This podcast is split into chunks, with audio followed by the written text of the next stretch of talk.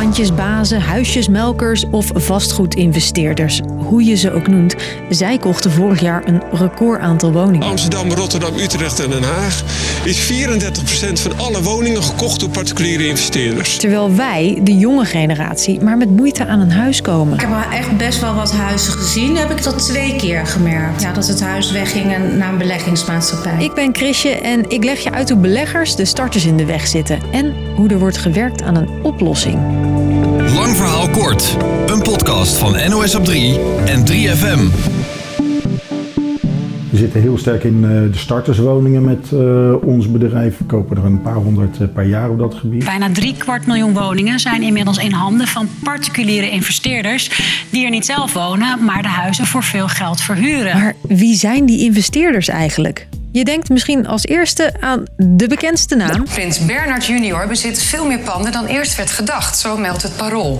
Het gaat in totaal om 590 adressen, waarvan de meeste in Amsterdam. Maar er zijn een hoop verschillende beleggers. Het kan gaan om een kleine investeerder die één of meerdere panden heeft waarin hij of zij zelf niet woont.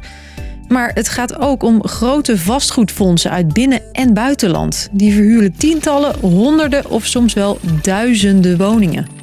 Collega's van het programma Kassa die spraken met zo'n investeerder. En ik hoop dat er wat positiever wordt gekeken. Die wilde alleen anoniem vertellen waarom hij het doet. Daarom klinkt hij zo. Aangezien ik zorg dat mensen uh, wel kunnen huren.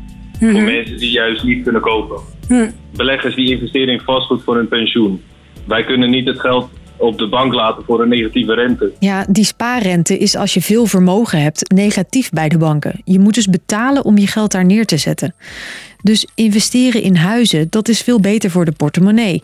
En die verhuur, tja, daar is ook wel wat voor te zeggen. Want er zijn alleen al 22.000 studentenkamers te weinig in ons land. Reizen de huren hier de pan uit. Ja. Er valt dus ook wat te verdienen. Een studio voor tussen de 1400 en de 1750 euro. En dan heb ik het over een studio van 41 vierkante meter. Beleggers kopen een huis en delen het op. Verkamering heet dat. Zit ook niet iedereen op te wachten, zegt deze buurtbewoner in Den Haag. Het zijn de mensen die kopen een pand, beloven van joh, we gaan dit opknappen. Voordat je je weet, draai je om en is het in plaats van een prachtig opgeknapte buitengevel, blijkt er niet één woonhuis achter te zitten, maar een vier, vijf, zes soms studio's. Al die mensen willen uh, hun fiets kwijt, hun auto kwijt. En los van hoe de buurt verandert, heb jij er concurrentie bij op de koopmarkt? Denk maar na. Jij als starter spaart een beetje, dat is al lastig met die hoge huur misschien, maar het is gelukt. Je biedt op een huis en ook die prijzen zijn sky high en dan bied je op tegen een buitenlands vastgoedfonds dat miljoenen op de rekening heeft staan. En zo worden huizen alsmaar duurder. Ziet ook het kadaster dat alle informatie over vastgoed in Nederland bijhoudt. Want dan wordt het aandeel van die particuliere investeerders zo groot dat zij die prijs als het ware een beetje opdrukken. Als starter kom je er dus maar moeilijk tussen. Verre van ideaal deze situatie. En daarom kwam de overheid begin dit jaar al met een maatregel. Elke keer als een woning van eigenaar wisselt, moet er overdrachtsbelasting worden betaald, 2%.